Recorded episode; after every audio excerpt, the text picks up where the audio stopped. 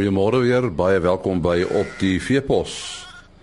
Ons het soos gewoonlik op 'n Maandag veiling nuus.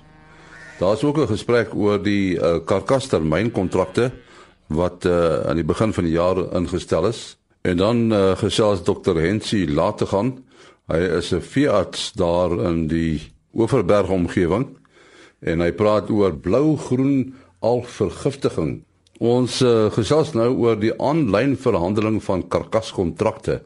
En ons praat daaroor met Luan van der Walt van die Departement Landbouekonomie aan die Universiteit van die Vrystaat. Nou hierdie beeskalkaster mynkontrakte op op Safex uh is is 'n redelike nuwe ding. Uh, wat moet mense in gedagte hou uh as mense met hierdie goed werk? Dit redelik nie is geïnisieer by die DRJSE en bekend gestel die 28ste Januarie wat amptelik bekend gestel is. Dit is belangrik om in ag te neem vir boere dat waar jou kostes lê die boere in die graanbedryf is baie meer vertroud met die kostes in baie gevalle as in die vleisbedryf. So jy gaan vir jou prys vasmaak, jy kan vir jou vooruitprys vasmaak. So dis belangrik vir jou om te weet waar jou gelykbreekpunt per kilogram is dat jy 'n goeie prys vasmaak wat jy tevrede is.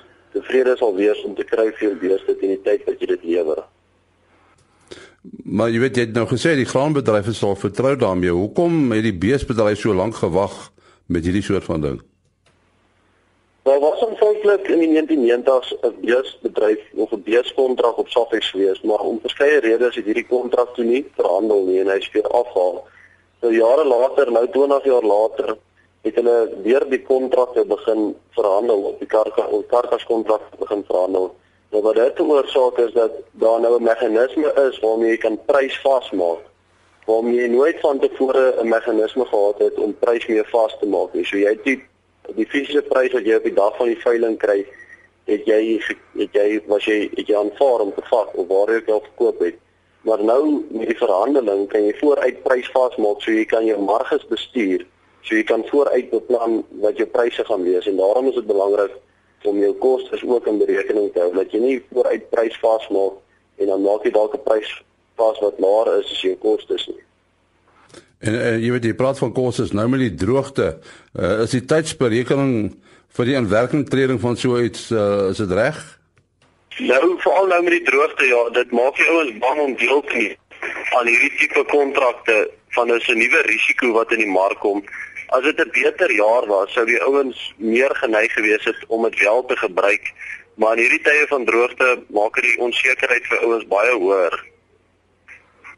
Uh Luan, wat watter geleenthede dink jy skep kort termynkontrakte in die beesbedryf? Dit skep beslis kon geleenthede vir ouens om beter bemarking te doen. Jy kan nou al meer mededingings mag hê omdat jy al vooruit kan prys vasmaak. Dit skep ook 'n geleentheid vir 'n baie meer deursigtige mark in die vleisbedryf van omdat daar baie meer inligting betrokke gaan wees in die mark en markinligting gaan deurkom na die verbruikers en die die boere en die res van die mense in die waardeketting toe. En die en die finale prysbepaling, hoe word dit vasgestel? Die finale prysbepaling vir die karkaskontrakte is 'n geweegde twee weeklikse geweegde gemiddeld en die prysinligting word verkry van die rooi vleis abattoir vereniging van Suid-Afrika. So as jy 'n kontrak het vir lewering en jou kontrak verval, dan gaan die JSE vir jou die finale prys prys stuur wat jy moet vas of jy jou kontrakte moet toemaak. En en die verskanningstermyn, uh, wat is die verskanningstermyn vir die kontrak? Ons vier hoofverskansing maande wat Maart, Junie, September en Desember is. Ja, baie dankie Luan van der Walt van die Departement Landbouekonomie aan die Universiteit van die Vrystaat. En nou is dit tyd vir veiling nuus. Walt Dooney sou op die 15de Maart op, op Stadterheim 'n uh, eh, veiling 35 ramme en 200 oeye word deur BKB sentraal opgeveil. Model Boran produksieveiling met medeverkoper Hotspot Borane uh, ook op die 15de Maart 'n veiling by Outlands Ventersdorp. 43 dragtige koeie met kalf, 25 3 in 1, 'n 7 jaar oue koeie word aangebied. 20 dragtige verse en 5 bulle word opgevou deur Simon Hughes Marketing. Die 9de jaarlikse Merino en Drakensberger produksieveiling van West End Landgoed vind op die 16de Maart plaas op Morgenson. 40 by 40 koeie en bulkalvers 3 in 1. 40 plus 40 koeie en verskalvers 3 in 1. 70 dragtige koeie, 40 dragtige verse, 30 koeie en kalvers moontlik 3 in 1 en 500 dragtige merino ooe. Die veiling word behartig deur OVK CMW. Op die 17de Maart van die 8ste jaarlikse Noordwes Meatmaster produksieveiling plaas by Mahems Vlei Klerksdorp. 20 ramme 150 ooe met lam in lam en 50 ooi lammers word opgevou deur Simon Hughes Marketing. daarmee die einde van veilingnis. Ons uh, gaan nou gesels oor blou-groen algvergiftiging. Nou uh ons praat daaroor met uh, eh, Dr Hensie later gaan van uh, die Bredasdorp dierekliniek. Uh, hierdie soort vergiftiging kom dit daar in julle area ook voor uh, Hensie? Ja, dis nie algemeen by ons nie, maar gedurende die somermaande kry ons sporadiese gevalle daarvan. Uh waar kry jy mense hierdie blou-groen alg? Weet jy, groei gewoonlik op op damme of vleie by ons selfs as jy riviertjies, ons is in 'n droë deel van die land. As jy riviere gaan staan in daai kuile, hy groei selfs daar. En ehm um, maar veral in die somermaande, as dit lekker warm raak, dan uh, raak hy giftig. Met ander woorde, hy is nie van die begin af giftig nie. Jy het 'n redelike um, hoeveelheid alge nodig. Kyk, nie al die alge is giftig nie. Daar's verskillende spesies. Mens moet nou nie skrik as jy nou skielik alg op jou water sien, dink dit nou 'n groot probleem nie. En die alg um, moet eers doodgaan voor hy giftig raak. En dan jy ook redelike dosisse nodig. En dit sien ons veral as dit lekker warm en bedompig is en die water is stil, ons het min wind, dan kry jy hierdie skielike massiewe groei in die algpopulasie. En dan veral is hy giftig of dan maak dit die diere erger aan. En, en die diere is beeste en skaap. Dis in skaap, hy kan self perde, honde, varke aantas, maar ons sien dit meestal by die beeste en die skape by ons. En wat is die simptome? Die simptome is um maar basies begin met lusteloos wel. Dit kan eers begin net skielike vrektes. Um ons maak nie altyd 'n definitiewe diagnose nie. Die laaste geval wat ek vermoed het, het ons net 22 dooie skape rondom die dam opgetel. Uh, maar hulle was al te te ver heen om 'n om 'n um, duidelike postmortem te doen. Uh, maar skielike vlekte is baie keer al simptoom.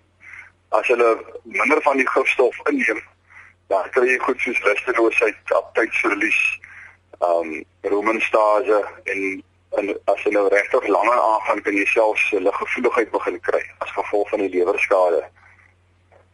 En en word jy soms verwar met bloednier nie? dit kan verwar word met die geval as gevolg van die skielike vrekte kan jy mense dink dit is dalk net bloednier.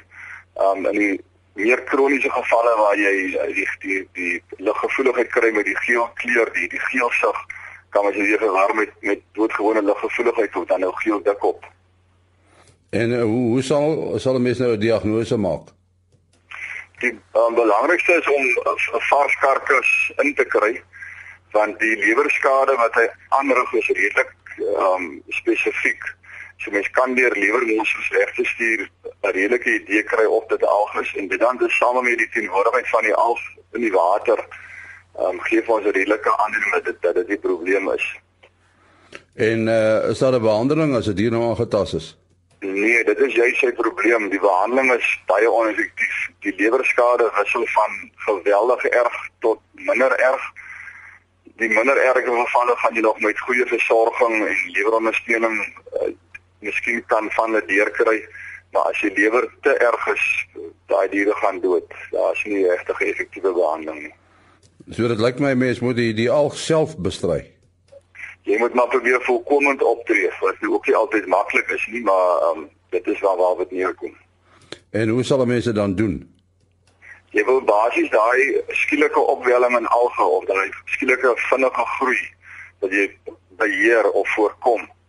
En um 'n manier wat hier en oor see baie gebruik is is om kopersulfaat of dan 'n koperverbinding op die water te spuit maar dit het ook maar sy nadele. Koper kan giftig wees vir jou fitoplankton in jou damme. Dit kan vir die visse in die dam giftig wees. Ehm um, so as jy dit doen moet jy baie versigtig wees en seker maak jy dien dit in die regte dosisse toe. Ons het by ons begin, ons het baie van hierdie kleinerige gronddammetjies wat by drink en in die gevaartyd hierdie ehm um, Desember Januarie is so warm raak dan gooi jy eenvoudig 'n groot hondebal strooi in daai dam. En daar's werk gedoen wat wys dat die die ontbindende strooi in die dam streng die groei van hierdie alg. En dit dit werk vir ons redelik goed. So kom daar by julle voor. Kom seker landwyd ook voor. Ek dink hy hy kom weier voor as wat ons algemeen aan aanvaar het aan aanvanklik. Ehm um, daar was 'n paar jaar gelede by George, ek dink dit was by George rond 'n massiewe uitbraak in 'n melkery waar daar oor die 200 beeste dood is. So hy hy kom weier voor as net in die in die Vrystaat en in Transvaal, ou Transvaal. Ja, en met die hoë temperature wat ons sien ek ongewone hoë temperature, is die probleem seker groter. Dit dit speel definitief 'n rol. Um moet ek sê ons kry hom altyd hierdie uh, somermaande as jy as jy temperature styg en dit raak lekker drukkend en dit is stil, daar's nie baie wind nie. Die alg sodra die wind begin waai, dan sink hy onder die water se oppervlak en dan kan hy nie so vinnig fotosinteer nie, so hy groei nie so vinnig nie. En dan sodra dit stil raak, dan kom hy weer boontoe die hitte en die goed help hom aan en dan groei hy massief vinnig en dan sodra hy doodgaan dan raak hy giftig. Nou sê inligting oor blou-groen algvergiftiging en ons sê baie dankie aan dokter Hensie Lattegan van die Bredasdorp se dierekliniek. Daarmee ook die einde van ons program. Ons is môreoggend om kwart voor 5 weer terug. Maar voor ons groet, onthou van die 1 April af gaan uh, die landbouprogram so iets wat anders daar uitsien. Ons gaan 'n hele halfuur lange landbouprogram hê, maar ons gaan meer inligting verskaf soos wat die datum nader kom van die 1 April af.